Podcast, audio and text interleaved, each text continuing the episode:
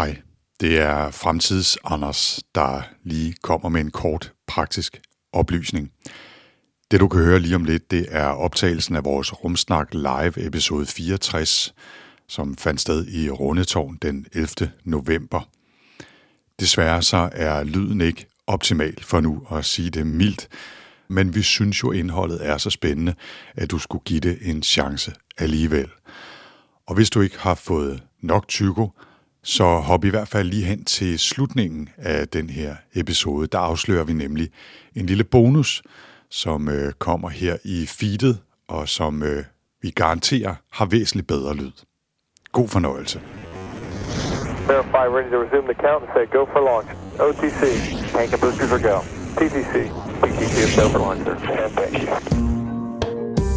Velkommen til Rumsnak, en podcast om rumnationen Danmark og de danske rumaktiviteter inden for både forskning og forretning. Mit navn er Tina Ibsen. Jeg hedder Anders Høgh Nissen. Spænd selen og start nedtællingen. Vi er klar til affyring.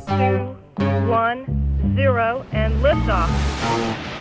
All right, uh, lift off and the clock has started.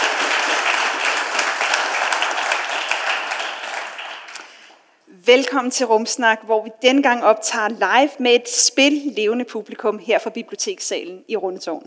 Ja, vi er kravlet de mange etager op ad sneglegangen i bygningen, der huser Danmarks ældste observatorium, og sidder nu i den flotte bibliotekssal. Og lad os lige igen høre, at vi ikke er alene.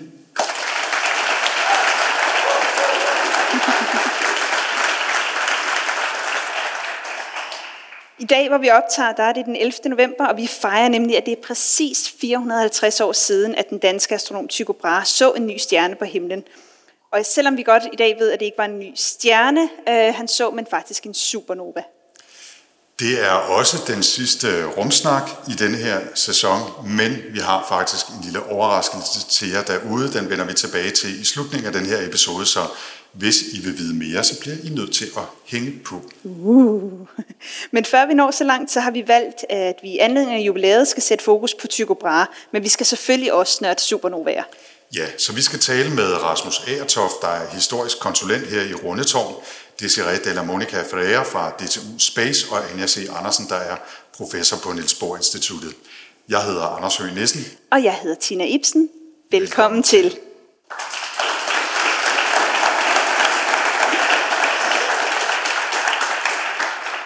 Og jeg vil, jeg vil starte med at læse lidt op her fra en bog, så I får, øh, får live højt oplæsning her. Er I klar? Den 11. november sidste år, da jeg efter solnedgang som sædvanligt betragtede stjernerne på den klare himmel, blev jeg opmærksom på, at der lige over mit hoved strålede en ny og ukendt stjerne, som var meget tydelig i forhold til de andre. Lige siden min barndom har jeg været fortrolig med alle himlens stjerner. Denne viden er nemlig ikke så vanskelig at opnå. Og jeg var helt sikker på, at der aldrig før havde været en stjerne på dette sted på himlen. Eller i hvert fald en meget lille stjerne, helt uden denne markante klarhed. Jeg blev i den grad slået af forundring over dette, at jeg som ikke ville tro mine egne øjne. Men da jeg fandt ud af, at også andre kunne se den, når de fik udpeget stedet, var jeg ikke mere i tvivl om, at der i virkeligheden havde vist sig en helt ny stjerne der. Det her er begyndelsen af øh, Tycho Brahes beskrivelse af den nye stjerne i hans bog, De Nova Stella, som udkom i 1573, året efter, at Tycho Brahe havde gjort sin opdagelse. Og nu siger vi jo her, at Tycho Brahe opdagede en ny stjerne, men den lyste jo faktisk så kraftigt på himlen, at de fleste, som kiggede op, ville opdage den. Men det var altså Tycho Brahe, som lavede omhyggelige observationer over længere tid, og som beskrev den her stjerne i sit værk, De Nova Stella, som i øvrigt udkom på latin, som det var kutume på den tid. Det her er jo en fin ny dansk oversættelse. Jeg ved ikke, om du havde klaret det latinske lige så flydende, som du klarede den her oplæsning. Men lidt det... Jo, jo, lad os, bare, lad os bare sige, at jeg havde gjort det. Men Tycho Brahe, han var på det her tidspunkt 26 år gammel. Øh, han havde allerede udviklet en interesse for astronomi, trods af, at han var en adelsmand øh, fra en af de vigtigste adelslægter her i Danmark. Og det var altså ikke normalt, at man brugte tid på sådan noget pjat som videnskab. Tycho Brahe han levede i renaissancen, og til at gøre os en smule klogere på både den periode i dansk historie, hvem Tycho Brahe var, og også det særlige link til netop her, hvor vi sidder i aften. Så lad os byde velkommen til aftens første gæst, Rasmus Ertoft, som er historisk konsulent her i Rundetårn. Giv ham en varm velkomst.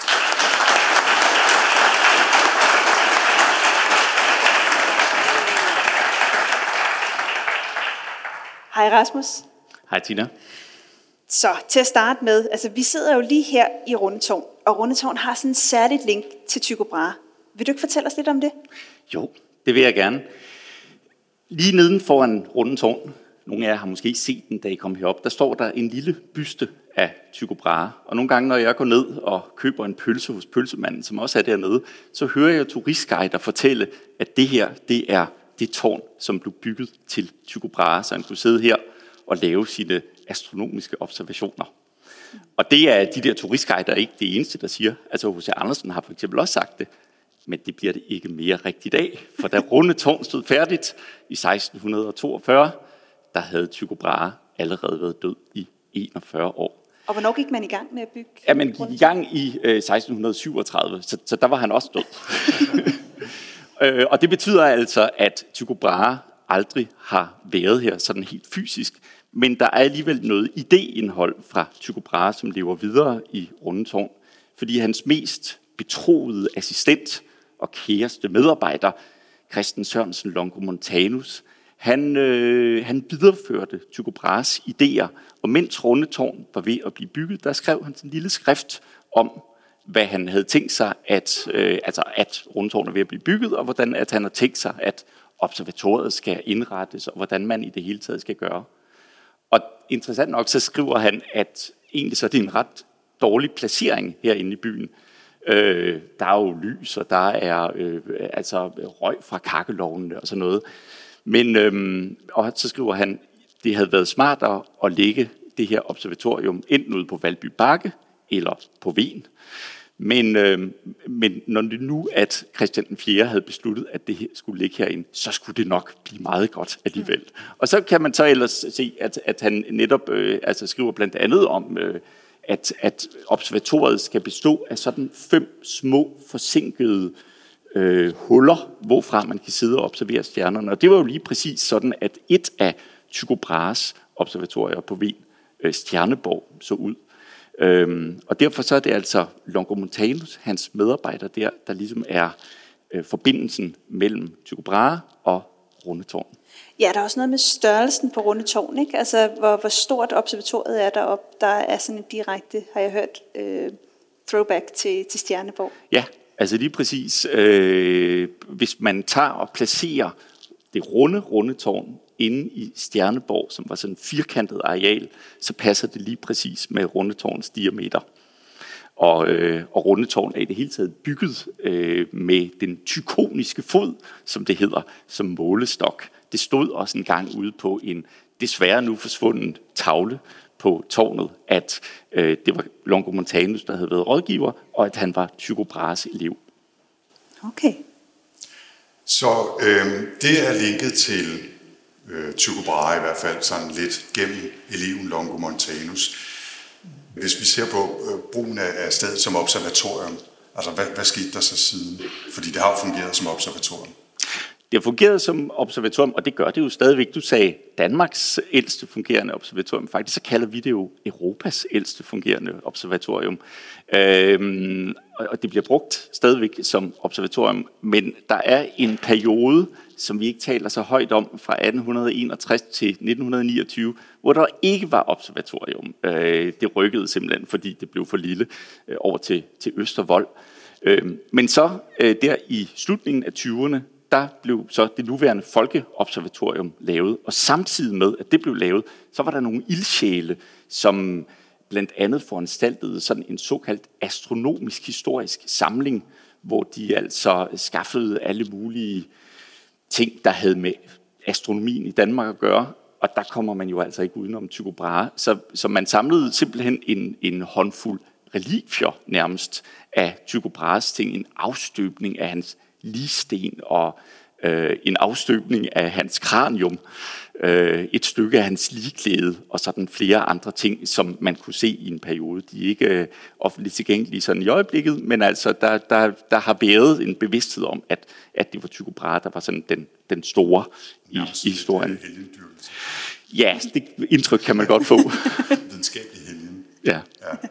Øhm, nu sidder vi lige øh, aktuelt her i bibliotekssalen i, i Rundetårn. Hvad, hvad er der foregået her? Noget som... Ja, altså, øh, rundtårn blev bygget som første del af det, der kaldes for Trinitatiskomplekset, som er øh, sådan et bygningskompleks bestående af både øh, observatoriet, som jo er lavet til universitetet på toppen af Rundetårn, kirken, som er lige nedenunder os, Trinitatis kirke, øh, og så øh, øh, universitetsbiblioteket, som tidligere lå heroppe i salen. Så sådan en, en treenighed af ting, det er også derfor, eller det er en af grundene til, at det hedder Trinitatis, det betyder treenigheden på, på latin, øh, og altså den kristne treenighed, men henviser formentlig også til de her tre oprindelige universitetsfunktioner man kan godt lidt fornemme historiens vingesus, eller det synes jeg i hvert fald, at, øh, jeg kan, og vi kan heroppe. Og Danmark som samfund, og måske København som by, hvad, hvad var det for et sted her i renaissancen? Ja, altså vi er jo samtidig med så øh, det, som kaldes for reformationen, som kommer i 1536, hvor at den katolske kirke holder op med at være den religion, som, som ligesom staten øh, øh, understøtter. Det er øh, altså Luthers lære protestantismen, Øh, så det er i virkeligheden sådan et, et meget øh, altså, øh, topstyret samfund, hvor kongen sidder i toppen og, og, og, og øh, er garant for i virkeligheden, at befolkningen opfører sig ordentligt, fordi ellers så kan alskens ulykker ramme. Og det altså, kan man sige, er, Rundetårn, eller i hvert fald den rebus, vi har ude på, på Rundetårn, også sådan et, et udtryk for. Øh, der står øh, leds øh, herre, øh, den rette lære og retfærdigheden ind i hjertet på den kronede Christian 4., fordi det var Christian 4's ansvar, at der ikke skete alle mulige mærkelige ting, som for eksempel, der kunne komme en, en komet øh, og give advarsler om de sidste tider, som man jo troede, at den her nye stjerne var, øh, hvis man ikke lige var, var Tycho Brahe. Nu fortalte du, Rasmus, at øh, det var et relativt hierarkisk øh, opbygget samfund, i hvert fald på de store linjer, ikke? og sådan har man sikkert også følt det, især hvis man var nederst i det her øh, hierarki. Tycho Brahe øh, blev født som adelsmand, og, og forventedes jo at skulle opføre sig og leve på en bestemt måde, og så kastede han sig i stedet for over videnskaben. Han blev meget optaget af det, øh, tog på universitetet og dannelsesrejser og alt muligt andet. Altså, hvad, hvad var det for et liv, han skulle have levet, og hvad betød det, at han gjorde noget helt andet. Altså en del af det, der sker sådan i løbet af især 1500-tallet, det er også, at adelen i høj grad går i statsadministrationens tjeneste. Statsadministrationen vokser, og øh, adelen bliver bedre til at, at skrive og, og, og får også en bedre uddannelse, rejser ud i, i Europa og, og, og uddanner sig ved, ved forskellige universiteter. Og det var tydeligvis det, altså han kom fra en meget indflydelsesrig slægt, og det var tydeligvis det, han også var, var udset til. Men så interesserede han sig bare mere for, for astronomi, og øh, altså, det skal vi jo nok være glade for i dag, at han, at han, at han brød mønstret. Det var, det, det, var ikke, det, det var ikke det, der var tanken. Var, var det ille set? Har man, har man indtryk af det, eller accepterede man ham lidt som en ekscentriker, og så fik han lov til at, at passe sit, sit værk? Øh, altså i hvert fald så da han øh, opnåede den berømmelse, han gjorde, som han jo altså først og fremmest gjorde ved observationen af den nye stjerne og ved at skrive om den i, i sin bog øh, fra året efter, så var kongen hurtigt til ligesom at, at se potentialet i det. Altså det var smart, som du var inde på, Tina, at kende en, en øh, astronom og astrolog, som kunne lægge for eksempel horoskopet for, for Christian 4. Men det har jo også tydeligvis haft en, øh, en afsmittende effekt, den her berømmelse på, på, på kongedømmet. Altså, der, der, der blev simpelthen brugt 1% af de samlede statsindtægter om året på Tycho Brahes øh, observationer. Og jeg tror ikke, at han var den, der sådan lagde fingrene øh, imellem. Så, så i hvert fald fra kongelig side øh, har, har det været øh, populært. Jeg ved ikke rigtig, hvad hans familie sagde til det.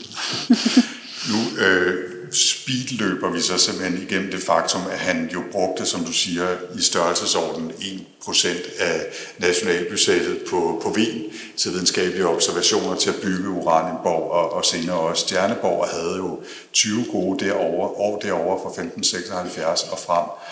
Og så skete der det, øh, som ligesom fører os tilbage og lukker cirklen til Rundetårn her, og Christian 4, den 4, at Frederik den anden øh, døde, og Christian 4 overtog, og hvad skete der så? Altså hvis vi lige skal lukke den, den, øh, den historie, du fortæller her, Rasmus. Øh, Christian 4 var ikke ret gammel, da hans far døde, så til at begynde med, der var der sådan en formynderregering, øh, og der gik det egentlig sådan forholdsvis godt, men da Christian IV selv begyndte at kom på banen, han blev kronet i, i 1596, og, og året efter er det så, at han bliver, at Tycho Brahe bliver frataget de forleninger, som kongen kan, kan fratage ham, og bliver sådan lige pludselig en, en, en persona non grata, øh, i, i, i hvert fald i forhold til den kæmpestore bevågenhed, som, som Frederik den anden havde haft over for ham. Og det er sådan lidt mærkeligt. Der er en, en, en række mulige forklaringer. Altså, øh, en del af dem er religiøse, fordi øh, altså, Tycho Brahe forbrød sig på nogle områder råder mod den øh, altså sådan, øh, meget dogmatiske religiøsitet, som på det her tidspunkt havde udviklet sig altså i, i nogle 10 år efter reformationen. Øhm, men det er ligesom ikke nok. Man har spekuleret meget på det, faktisk.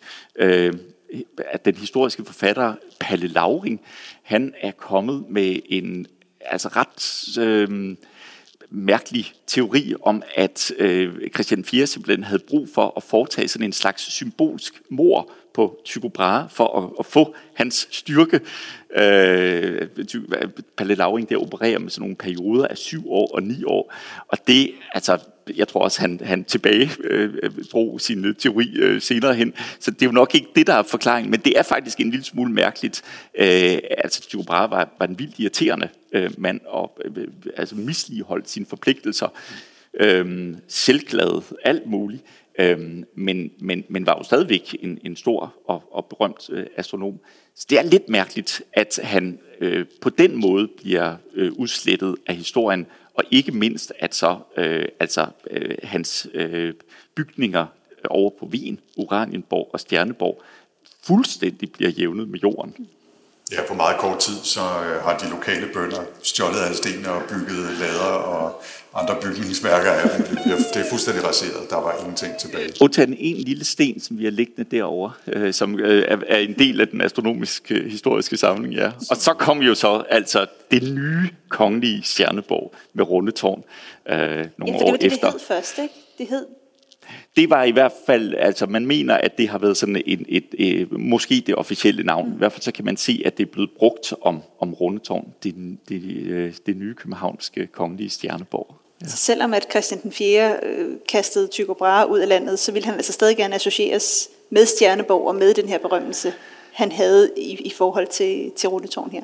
Ja, lige præcis. Hvad der så lige præcis er sket, om han har taget ham til, til noget på sine gamle dage, eller har kunne se, at det har, har kunne betale sig, eller hvordan og hvorledes. Men, men, men i hvert fald, ja, øh, lige præcis på den måde, at, at, at Rundetårn viderefører Tycho Brahes idéer. Og Tycho Brahe selv, han øh, havnede i Prag, og døde relativt kort tid efter i 1601 og blev begravet dernede. I øvrigt også, hvis vi lige skal, skal sætte et punktum for Tycho Brahe i den her sammenhæng. Rasmus Agertoft, historisk konsulent i Rundetårn, det var det, vi nåede at høre fra dig. Tusind tak for den her udlægning, både af Tycho Brahes liv sådan i nedslag af renaissancen, og ikke mindst selvfølgelig stedet, hvor vi sidder her i aften, bibliotekssalen øh, lige ved Rundetårn. Giv Rasmus en stor hånd tak.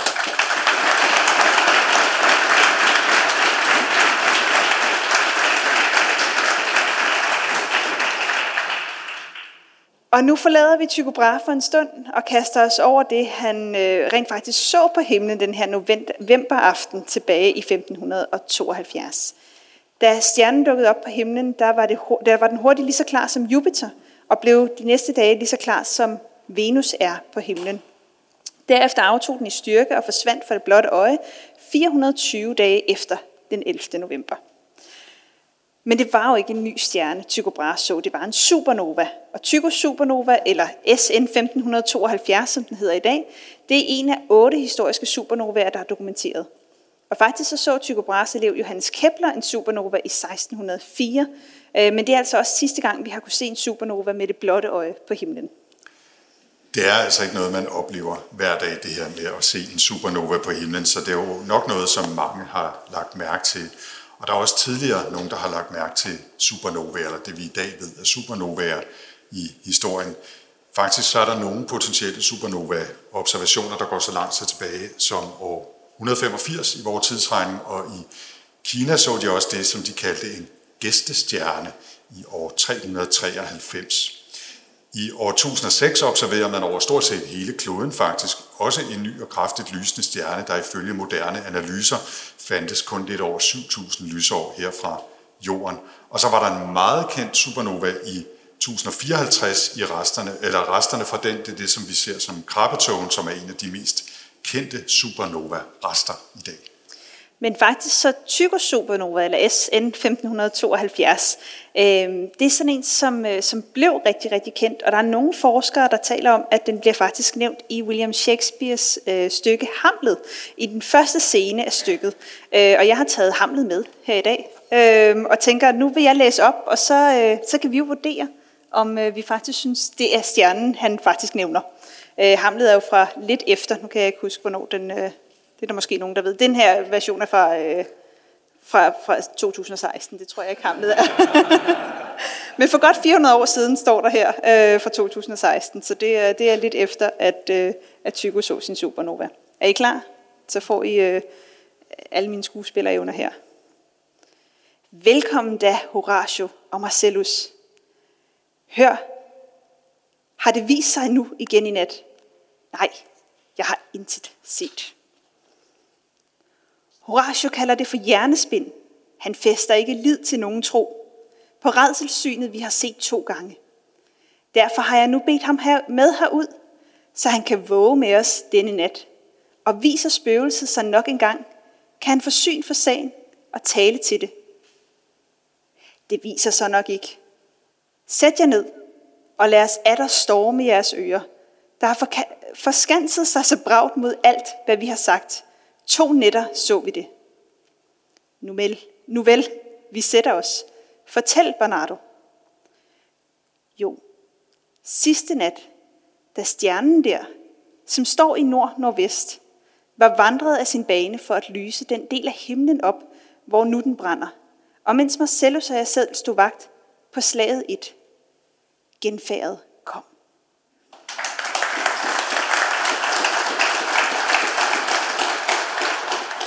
Der er altså mange, der taler om, at den her stjerne, der lyste så klart på himlen, det måske har været Tygos stjerne. Og Hamlet foregår selvfølgelig også i Helsingør, hvor at, øh, at man har kunne se ven fra.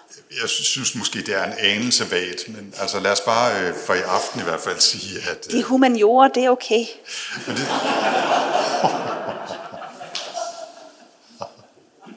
og det skal jeg leve med. Nå, øh, at, at øh, stjernen her måske dukker op i Hamlet, fortæller jo, at, øh, at Tycho Supernova også var kendt i kreativ kredse, og så også, at Tycho jo langt fra var den første, der lagde mærke til det her fænomen. Men alligevel er det jo også i dag ham, vi fejrer for sin omhyggelige registrering af den her første opdagelse, og ikke mindst for den efterfølgende registrering af stjernens aftagende lys. Men øh, siden Tycho Brahes tid, der har vi altså fået mulighed for at studere nattehimlen i mange flere detaljer, heldigvis, men også i mange flere bølgelængder, end det var muligt i slutningen af 1500-tallet. Det første teleskop, der blev vendt mod stjernerne af Galileo Galilei i 1610, ni år efter Tycho Brahe døde, gjorde altså mulighed for, at man kunne se himlen gennem en kigger. Det var noget, Tycho Brahe aldrig fik mulighed for. Teleskoper har jo siden den tid undergået en kæmpe udvikling siden Galileis relativt Primitive øh, rør og linser og teleskoper af diverse typer er astronomernes vigtige øh, og måske vigtigste instrument i dag, og har givet os et helt nyt syn på nattehimlen. Til at gøre os lidt klogere på, hvordan vi i dag observerer supernovaer, så kommer her seniorforsker på DTU Space, Desiree de la Monica Ferreira.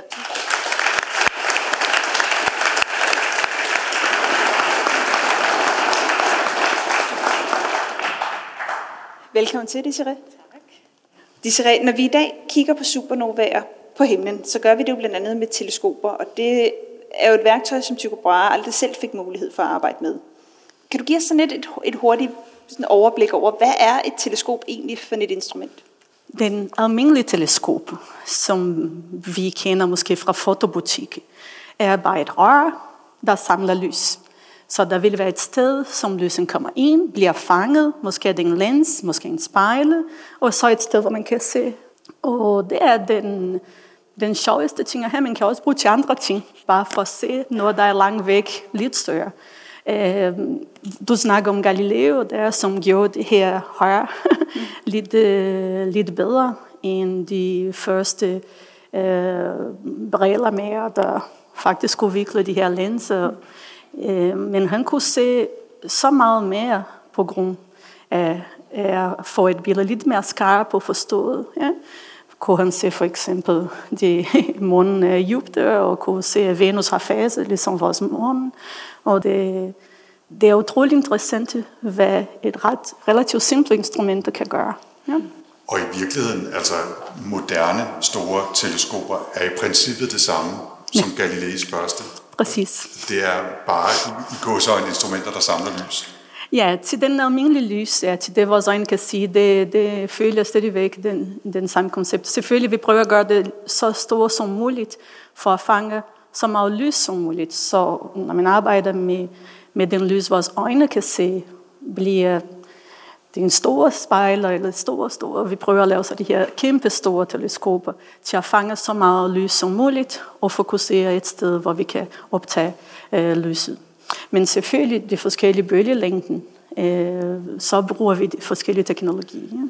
Ja, kan du ikke også lige fortælle om det? Fordi nu taler vi om, om teleskoper, som man kan bruge med, med vores menneskelige ja. øjne, eller man kan sætte kameraer til, ja. øh, hvis man vil, vil optage det. Men, men lys er jo også øh, andet end det spektrum, vi kan se. Altså, jeg har en ven, som er ved at miste synet nu. Og vi snakkede den ene dag, at han var meget frustreret over, at han ikke kunne se så godt mere. Og jeg står og tænker, hvordan jeg kunne sige noget pænt til ham. Og som fysiker, her, naturvidenskabsperson, vi kommer altid med lidt upassende kommentarer. øh, og så min kommentar var, ej, ved du hvad, du skal ikke være så ked af det, fordi vi er alle sammen og han var bare så sur. Hvad snakker du om? Jeg tænker, tænker, vi kan ikke se radiobølger, vi kan ikke se mikrobølger, vi kan ikke se infrarød, vi kan ikke se UV, vi kan ikke se røntgenstråling, vi kan ikke se gammastråling. Vi kan kun se en lille bitte smule af den her elektromagnetiske spektrum, som lys er. Og de andre bølger, de er også den elektromagnetiske bølge. Det, der bliver analyseret, er den frekvens ja, og bølgelængden, men det er alligevel elektromagnetiske øh, stråle, så jeg tænker, vi er alle sammen Vi kan kun se en lille smule, en bitte, lille bitte smule. Den information, der bliver sendt til os. Og med teleskoper, det er præcis det samme. Når vi kigger med den almindelige teleskop, vi kan se den meget lille bitte øh, elektromagnetiske spektrum, som er det, vores øjne er optimeret til at se. Når vi går til, til radio og mikrobølge, så bruger vi store antenner. Og noget af det kan vi observere her fra jorden. Infrarød er bedre observeret fra, fra rummet, fordi der er for mange ting, der absorberer infrarød i vores atmosfære. Vand absorberer øh, infrarød. Um, røntgenstråling og gammastråling, som er i den uh, høje øh, energidel, bliver absorberet. Så vi bliver nødt til at sende de her teleskoper op og i rummet. Og fordi de er så energetiske, det går meget hurtigt igennem øh, materialet, så vi kan ikke lige bruge den samme teknologi, som vi bruger til almindelige teleskoper til at observere de her højenergetiske teleskoper. Og det er kun godt, fordi ellers ville jeg ikke have et arbejde. så, så det, så hvis vi skal sådan øh, opsummere lidt, så, så vi har jo alle de her forskellige bølgelængder. Hvis vi tager det fra de korte bølger, ja. så er det gamma, Det gamma, røntgen og UV. Ja. Og så har vi det synlige lys. Ja. Og så hvis vi går længere... Så der er infrarød. Mm. Ja, og så vi har den mikrobølge, og så den radiobølge. Ja. Og de lange bølgelængder på nær infrarødt kan vi se med de her store antenneteleskoper ja, ja. Øh, her fra jorden, men ja. ellers så skal vi altså op i rummet. Det er ja. bedre at se ja, det derfra. det er det. Altså det vil altid være bedre at se det fra rummet, fordi øh, så er man ikke påvirket af vores atmosfære. Men selvfølgelig det er også dyr at se ting fra rummet. Så hvis man kan øh, sætter et teleskop måske på toppen af et bjerg. Altså, nu, I det kan man ikke se, gøre det fra byer mere, fordi der er for meget lys. Men der er en grund til, at man sætter for eksempel øh, teleskoper i Alma-site, hvor der er 5.000 km over øh, havniveau, er, hvor der ikke er så meget atmosfære tilbage. Det er rigtigt. Nu talte vi lige om, at, at øh, teleskoper til synlig lys er relativt enkle instrumenter, øh, mm. som, som samler og forstærker lyset. Mm. Hvordan ser man på røntgen? Uh, ja. Skal jeg fortælle alle de hemmeligheder? Ja. ja, ja altså, røntgenstråling, de har det med at trænge igennem materialet. Det er også derfor, at vi bruger røntgen til at, til at tage billeder af vores knogler, øh, når vi tager til lægen, eller vores tænder, når vi tager til tændlæge. I rummet, vi har ikke så ligesom, den røntgen bliver genereret ind i for eksempel en supernova, eksplosion eller i gassen øh, mellem galakser eller andre energetiske fænomener. Og så den rejse igennem universet og skal ramme vores teleskop ud i rummet. Problemet er, hvis vi har en almindelig spejle, ligesom for eksempel James Webb ah, eller, eller Hubble her, den vil bare trænge igennem den her spejl. Derfor man, skal, man er nødt til at arbejde med nogle meget, vi er nødt til at snyde det her bølgelængden, og sige, ved du hvad, du rammer, jeg drejer den her så meget som muligt, og hvis den rammer med meget lav vinkel, så kan det faktisk, den lys kan faktisk øh, flytte sig og blive fokuseret. Men det betyder, at i stedet for at have så meget overflade, så har jeg nu så en lille bitte overflade her, hvor den her øh, røntgenstråling kan komme. Og det betyder, at jeg kunne samle den samme lys som en stor optiske teleskop, og vi ville skulle bygge så, så store. Fordi vinklen kommer så lav, den bliver også fokuseret meget langt væk. Så i stedet for at have så en, en focal length, øh, som er relativt normal, øh, vi er pludselig 10 meters focal length. Og hvis man bruger til højere energi, altså over 10 kV, så vil det være smart med 25 meters forkoldning, eller 50 meters forkoldning. Så I skal lige pludselig lave et teleskop, der er 20 eller 25 eller 50 Præcis. meter? og, så, og så siger dem fra ESA, der skal bygge det her, og de siger, nej, det bliver så det er for dyrt. Og, øhm, så noget af det er, hvad vi kan gøre med den teknologi, vi har. Det ene er, hvordan vi kan realisere det, fordi det er ikke, det er ikke så simpelt at, at sende noget til rummet. Og, og når du har sendt noget til rummet, den skal også virke, fordi det er svært at reparere noget, der er deroppe. Så pludselig bliver der flere øh, risikofaktorer. Men min drøm er inden for mit liv, jeg kommer til at se måske en information flight, hvor vi har detektorer her, altså, eller vi har den optikken hele, her som samler øh, fotoner, så har 60 meter den vej står vores detektor og fanger de fokuserede røntgen. Ja? Så de ikke sidder monteret på den samme konstruktion? Ja, så det, flyver ja, den flyver, ja, den flyver information. Ligesom ja. man har talt om at lave andre instrumenter, som flyver information til, ja. til LIGO-målinger. Ja, præcis, ja. for eksempel. Ja. ja. Desiree, øh, grunden til, at vi taler om røntgen her, er ja. jo også, at øh, supernovaer er rele- relevante her. Kan du ikke fortælle lidt om, hvor kommer det her røntgen fra, mm. som du gerne vil måle med dit nye øh, instrument? Ja, altså der er mange ting, der, der udsender røntgenstråling. Faktisk er vores solen sender røntgenstråling, øh, og så den røntgenstråling rammer månen, som reflekterer også det her røntgenstråling. Og forskellige øh, fysiske fænomener vil så sende øh, forskellige, af forskellige grund røntgenstråling. Så når vi observerer i røntgen og alle andre bølgelængden, vi, laver det, vi, vi prøver at forklare, hvad for nogle fysiske fænomener foregår i rummet, der kan generere de her røntgenstråling.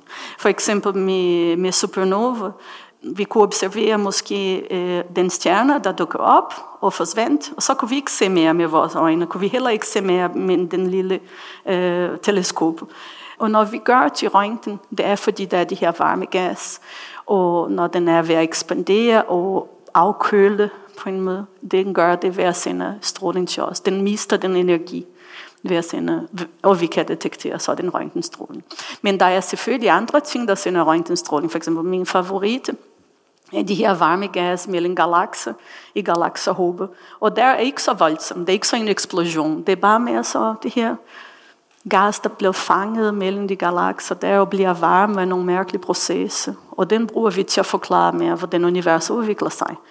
Men der er noget meget særligt med supernova, med den lys fra supernova, som også fortæller os, hvordan universet udvikler sig og udvikler sig på en accelereret måde. Så det er fantastisk at kunne, få, at kunne virkelig bekræfte de teorier, vi har, som vi, vi har fra nuklear, nuklear physics og fra, fra andre fysiske teorier, øh, at bruge observationer og bekræfte eller afkræfte øh, det, vi forventer at se, baseret på vores fysiske forståelse.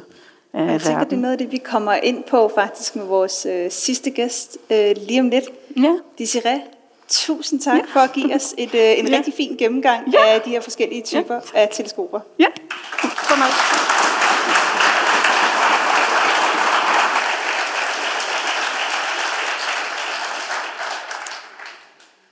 Vi har altså øh, observeret rester fra supernovaer i mange forskellige bølgelængder og har fået ny viden om dem. Vi har lært rigtig meget om supernovaer og hvordan de dannes øh, og hvordan de også øh, afslutter deres øh, liv. Stjerner er jo egentlig bare store kugler af gas, mest brint og helium, men også en lille bitte smule af nogle tungere grundstoffer. Og når de her stjerner lyser, så er det jo altså fordi, der sker fusionsprocesser inde i kernen, når brint omdannes til helium. I de her processer, der frigives der energi, øh, og det er dem, der, det, der får dem til at lyse. Men de her processer kan altså kun ske, så længe der er brint tilbage i centrum. Men hvad ved vi egentlig om supernovaer i dag, og hvordan har den viden været med til at gøre os klogere, ikke bare på universet, bare på universet, men også på afstandene mellem de objekter, vi finder i det. Det vil aftens sidste gæst fortælle os meget mere om, det er Anja C. Andersen, som er professor i offentlighedens forståelse for naturvidenskab og teknologi på Niels Bohr Instituttet, og velkommen til dig. Anja, giv en stor hånd.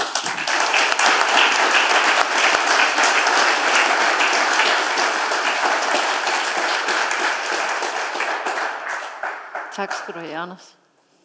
I dag ved vi, øh, at det ikke var en ny stjerne, som Tycho Brahe så der tilbage i 1592, men en supernova. Men lad os lige starte med at kigge øh, på stjerner. Hvad gør egentlig en stjerne til en stjerne, hvis vi skal starte lidt fra bunden?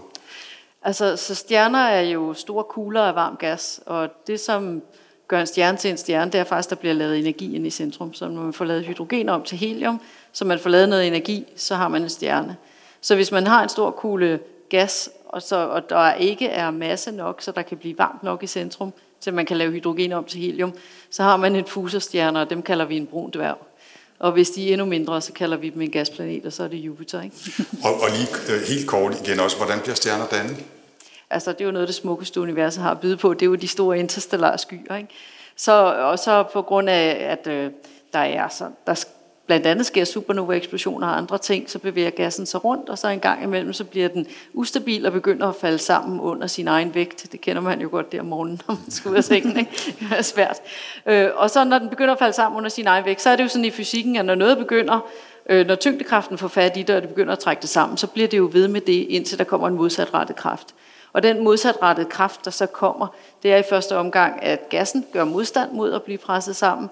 Og så kan man nemlig være heldig, hvis der er masse nok, så temperaturen kan blive høj nok, til der kommer et strålingstryk. Og så får man et, strålingstryk, som er det, der gør, stjerner lyser. Ikke? Og det er jo så også det, der blæser stjernen ud af skyen, kan man sige. Så vi kan jo ikke rigtig se øh, stjerner blive dannet. Vi kan først se dem, når de kommer ud af skyerne. Ikke? Og det er jo så en af grundene til, at vi er helt vilde med James Webb-rumteleskopet, fordi den kan jo faktisk delvis kigge ind i skyerne. Så hvis man har set de nyeste billeder af, af ørnetogen, det der hedder M16, så det er der, der lyser som sådan nogle små mørkerøde ting. Der kigger man faktisk ind i skyen og ser sådan en nydannet stjerne, der er ved at blæse sig ud. I den anden ende af stjerners liv, så kan de jo ende deres tilværelse som supernovaer. Hvad sker der? Ja, så der er jo, altså, så der er jo dybest set to måder, stjerner kan dø på. Ikke? De kan dø langsomt, som sådan en operasanger, der virkelig skal bruge mange akter på det. Ikke? Eller også så kan de dø hurtigt som supernova. Og, øh, og det, der gør forskellen, det er igen massen. Altså, så, så hvis man ved, hvad en stjerne vejer, man ved, hvad massen er, så ved man faktisk alt om den stjerne. Så kan du vække en hvilken som helst astronom midt om natten og sige, jeg har en fire solmasse stjerne, hvad sker der, hvor længe lever den? Så, så hvis, øh, hvis de kan huske mit kursus, så siger de et eller andet fornuftigt. og, og hvis de ikke kan huske mit kursus, så siger de sikkert noget sludder og siger, at den eksploderer som supernova. Det gør den ikke. Så skal man være mindst otte gange solens masse eller tungere. Så... Øh, så har man så meget masse, så temperaturen bliver så høj, og så kan man lave hydrogen til helium. Og så på et eller andet tidspunkt, så løber man jo tør for hydrogen, men så har man en masse helium. Og så er tricket selvfølgelig at hæve temperaturen, så man kan lave helium om til kul, og så kul om til ilt, og ilt om til silicium, og så silicium om til jern. Så det betyder, vores supernova, når nu det ender med en jernkerne, så har den et problem, så kan den faktisk ikke lave energi. Og så er det jo sådan, så har vi jo tyngdekraften, der presser ned. Vi har en stjerne, som har holdt sig selv oppe ved at lave energi, så der kommer fotoner ud. Og pludselig laver den ikke mere energi, så er der ikke nogen fotoner. Så har vi jo, tyngdekraften vinder altid. Det gør den altså. Så tyngdekraften vinder altid, så når der ikke er noget strålingstryk, så begynder tyngdekraften jo bare at presse. Og så begynder den at presse på jernkernen der. Og så presser det, der sker i en jernkerne, det er, at så får man øh, faktisk presset alle elektronerne ind i protonerne, og så får man lavet neutroner, og så ender vi med en neutronstjerne. Og så begynder alt det udenom at kollapse ned på, men neutronstjernen, den er næsten ligesom sådan et spejl. Og, og samtidig man, man får lavet neutronerne, så får man også lavet en masse neutrinoer, som giver et neutrinotryk. Sådan så vi får det inderste kollapser til en neutronstjerne, og det yderste eksploderer sig som supernova. Men når den så eksploderer som supernova, så det der er så fantastisk, det er jo, at så laver den lige så meget energi som alle stjerner i en hel galakse. Så det vil sige, at en supernova lyser lige så meget som 200 milliarder sollignende stjerner. Og derfor kan vi se dem over store afstande. Og det er jo heldigt, når der nu kun i gennemsnit er en supernova per 100 år i en galakse. Så skal man helst kunne kigge på rigtig, rigtig mange galakser for overhovedet at opleve noget i en astronoms levetid. Ikke? Ja, man skal være heldig. Men vi er jo bagud i Mælkevejen. Altså, vi har jo ikke set nogen i Mælkevejen i 400 år, så det viser bare noget om, hvordan statistik er. En per 100 år, man kan ikke stole på det. Men Anja, nu har du, altså du siger, at vi kan jo observere de her øh, supernovaer i fjerne galakser, men den her, hele den her sådan fine fortælling, du kom med, øh, hvad der sker inde i stjerner, hvordan det omdannes, øh, neutronstjerner osv., hvor ved vi egentlig de her ting fra? Så det er jo sådan en blanding af, fordi det er jo det, der er så finurligt ved astronomi. Vi kan jo kun, kun se overfladen af stjerner. Og, og vi, jeg tror ikke, jeg afslører for meget, hvis jeg siger, at vi aldrig fløjet ud i universet og taget en stjerne og fået den ned i kælderen på Niels Bohr Institut og skåret den igennem og set, hvad der sker indeni. Så det vi jo gør, det er, at vi kigger på, hvorfor lyser stjerner. Og så prøver vi jo at lave nogle, nogle fysikmodeller. Vi siger, om den fysik og kemi, hvad er det, vi forestiller os, der sker? Og det tog jo altså lang tid, inden man kom på det. Man skulle forstå, hvad en atomkerne var, og man skulle forstå både fusion og fission og radioaktivitet og alt muligt, til man fandt ud af, at det nok var det, der foregik i solen. Og så er det jo så sådan, at der også bliver lavet de der neutrinoer, som er svære at måle øh, som også bliver dannet inde i solen, og dem har vi målt. Og dem har vi faktisk også målt fra den supernova, der hedder 1987A i den, i den øh, store Magellanske sky. Så, så derfor så er vi sådan nogenlunde sikre, fordi vi har sådan en idé om, der skal laves de her partikler, så har, bygger vi en detektor, som kan måle de der neutrinoer, og neutrinoer er skønne, fordi at neutrinoer, de vekselvirker ikke særlig meget. Det er sådan nogle partikler, som kan gå ned ad strøget uden at møde nogen, selvom der er fuldstændig tæt pakket. Og det betyder, når de bliver kommer ind fra, eller når de flyver ud af solen eller ud af en supernova, så kan de faktisk flyve hele vejen ud, uden at, at støde ind i nogle af elektronerne eller de andre atomkerner eller sådan noget. Og det gør, at vi kan få, hvis vi kan fange dem, så kan vi få direkte information om, hvordan var der der, hvor de blev dannet. Så det er nærmest som at have et termometer ind i centrum af solen. Problemet med de her partikler, det er, når de kommer hele vejen ud gennem solen uden at vekselvirke, så er de bare super svære at fange. Så man skal bygge en detektor, der er sådan lidt klog, og så øh, sådan lidt, lidt velgennemtænkt, og så, så fordi der er så mange, og de er svære at fange, så fanger man nogle enkelte af dem, hvis man er heldig, og det er jo det, vi gør nu. Og så tog det så godt nok 20 år at forstå, hvad man havde fanget, fordi at så, havde, så da man havde målt dem, så var de alligevel ikke helt, som man havde troet. Og så brugte partikelfysikere og astronomer faktisk 20 år på at stå på konferencer og slå hinanden oven i hovedet, hvor astronomerne sagde til partikelfysikerne, I har ikke styr på jeres partikler, fordi neutrinoen opfører sig ikke som den skal. Og partikelfysikerne sagde, selvfølgelig har vi det, det er bare astronomerne, der ikke forstår stjerner.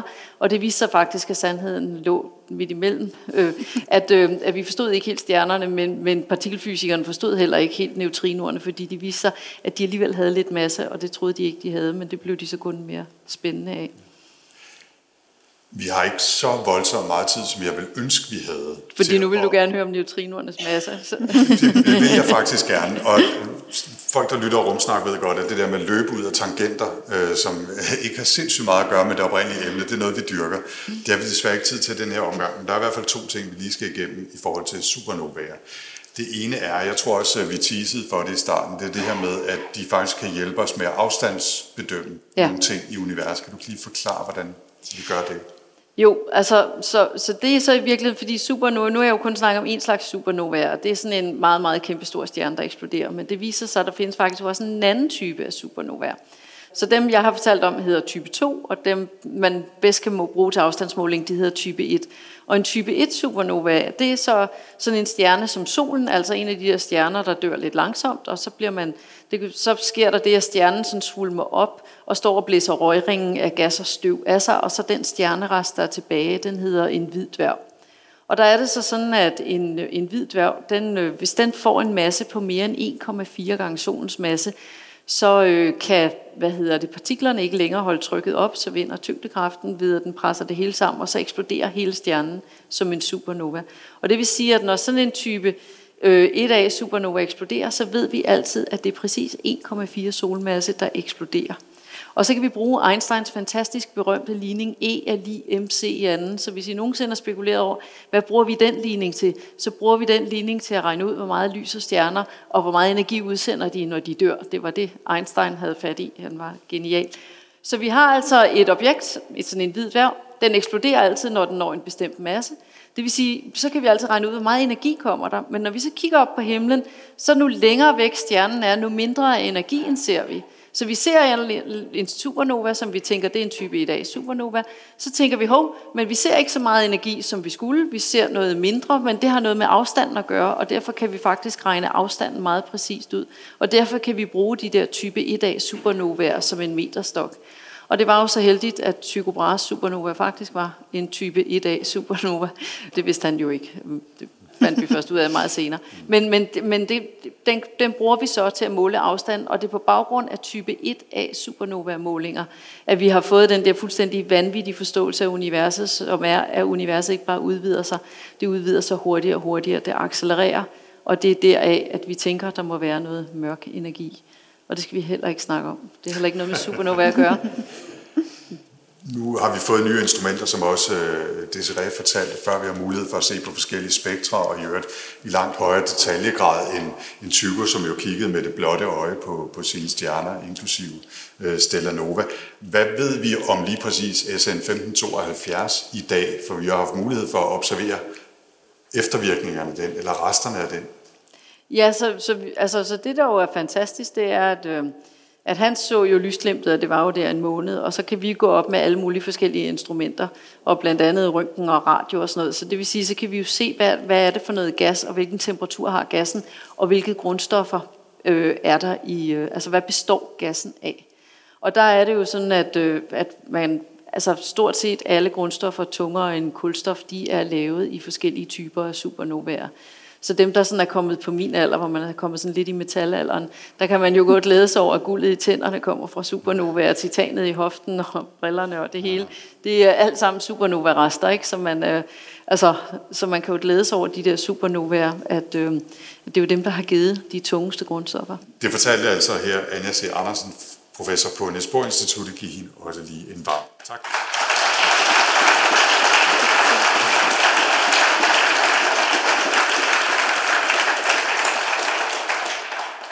Og lad os øh, få Rasmus og Desiree tilbage på scenen, hvis I vil komme og sidde. Så til at starte med, øh, tænker jeg, når vi kigger på Tycho Brahe og hans arbejde i dag, er det så re- relevant at tale om? Giver det mening at snakke om hans opdagelse af, af supernovaen? Altså, jeg tror, han ville have lyttet meget, meget nysgerrigt til øh, det, øh, I har fortalt. Altså, øh, det, det, der er ved Tycho Brahe, er jo, at han i høj grad stolede på sine observationer. Altså det er også det, der ligesom har blevet historien om ham, at han foretog de her nøjagtige observationer og stolede på dem. Altså, men man bliver nødt til også at tage det videre og sige, øh, en ting er, at han foretog de nøjagtige observationer, men det andet er, at altså, sagen var jo, at den her supernova var et sted, den ikke burde være. Altså der burde ikke, ifølge øh, den forestilling, man havde på hans tid, kunne foregå noget helt derop, hvor stjernerne var. Øhm, og, og, og, og, øh, og i stedet for at stole på ligesom det overleverede verdensbillede, så stolede han på sine observationer og ændrede derved altså virkelighedsopfattelsen. Man kan vel sige, at Tycho Brahe han punkterede verdensbilledet, ikke? man havde dengang, og, og lagde grunden til et helt nyt verdensbillede. Og så, så altså, vi tænker jo altid på ham som grundlæggeren af kosmologi og grundlæggeren af den naturvidenskabelige metode. Ikke? Altså det, at man går ud og undersøger naturen, i stedet for at sidde og læse i Bibelen og de gamle græske filosofer, og så prøve at forstå verden ud fra deres bøger. Så gik man jo ud og, og kiggede på, hvordan naturen egentlig opfattes, opfører sig, i stedet for bare at sidde og tænke sig til det. Ikke? Jeg vil faktisk gerne kommentere øh, en, i forhold til Tycho Brahe. Øh, Tycho Brahe han var virkelig kompetent øh, til at måle på ting med sine instrumenter, som var meget præcise og som var meget systematiske. Men han var faktisk ikke så god til matematik, til at kunne beregne alle de ting og finde ud af andre ting. Og det skete så, at han får nogen til at komme og hjælpe ham, som så bruger den her data til at forklare, hvordan planeter bevæger sig. Og jeg tænker i det, jeg har en gruppe forskere Øh, på DTU, som består af en astrofysiker, en højenergifysiker, øh, fysiker, altså med particle background, en ingeniør med nanoteknologi baggrund, en anden mekanisk ingeniør, der forstår på andre ting. Og vi er bare gået til så vildt forskellige ting. Og det var lidt af det, Tycho Brahe også startede med alle sine assistenter. Og, og det er som vi laver videnskab i det. Der er ikke nogen af os, der ved alt om alt. Men vi bliver bedre og bedre til noget bestemt, og så lærer vi at samarbejde og bruge hinandens data til at forstå det store billede. Han gjorde også en anden ting, og det var, at han var godt klar over, at viden var uinteressant, hvis der ikke var nogen, der vidste det, så han byggede en papirmølle, så han sørgede for at lave papir og trykke en bog og skrive en bog om det, han havde fundet ud af, sådan så vi i dag ved, hvad han fandt ud af. Ikke? Det er jo også ja. en vigtig ting. Ja. Tusind tak for det, Rasmus Desiree, og Anja, giv lige en sidste.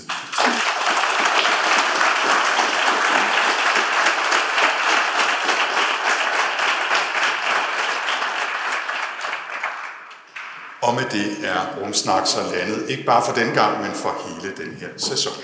Men selvom vi lukker sæson 7, så får I altså meget mere rumsnak i år. Vi har nemlig de seneste måneder arbejdet på en miniserie af rumsnak, hvor vi dykker meget mere ned i Tycho Brahe, hans liv og hans videnskabelige arbejde. Det har vi nemlig. Vi har lavet hele fem episoder, hvor vi har spændende gæster med, og så har vi endda også været en tur på Wien for at optage. Første episode kommer den 21. november, og så vil der være mandag i de følgende uger være en ny rumsnak special om Tycho Brahe. Du finder episoderne samme sted, som hvor du normalt lytter Rumsnak, og hvis du abonnerer på podcasten, så kommer det automatisk ind til dig i dit podcast feed. Hvis man ellers gerne vil vide mere om Rumsnak, vores specials eller andet, så kan man finde os på Facebook, hvor Rumsnak har sin egen side, og på Instagram. Og så har vi også vores egen lille butik med Rumsnak Merchandise, som du finder via rumsnak.dk. Husk også at tjekke show notes til podcasten, hvor vi linker til mere information om Tycho Brahe, supernova, røntgenteleskoper og meget mere. Hvis man har spørgsmål eller kommentarer, så kan man også skrive til os på Twitter med hashtagget rumsnak. Jeg kan også findes på at Tina underscore Ibsen. Og jeg hedder Anders Stade 4ND3RS på Twitter.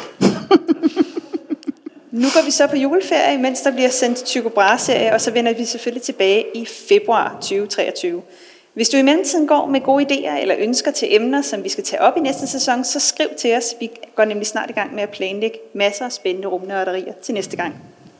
Vi runder af hermed for et øh, ret vildt år, hvor vi har lavet indtil flere liveoptagelser, talt med vores nye lytterpanel og lavet en stor lytterundersøgelse. Tusind tak til alle jer, der har svaret og stillet os spørgsmål og været med til liveoptagelserne og meget mere. Det er fantastisk også at få lov til at møde nogle af jer, enten til vores øh, liveoptagelser eller rundt omkring i det danske rummiljø. Vi kunne ikke lave rumsnak uden jeres engagement og input, og til jer, der lige er her i salen som repræsentanter for alle de mennesker, vi har mødt, også i år, giv lige jer selv en øh, stor hånd.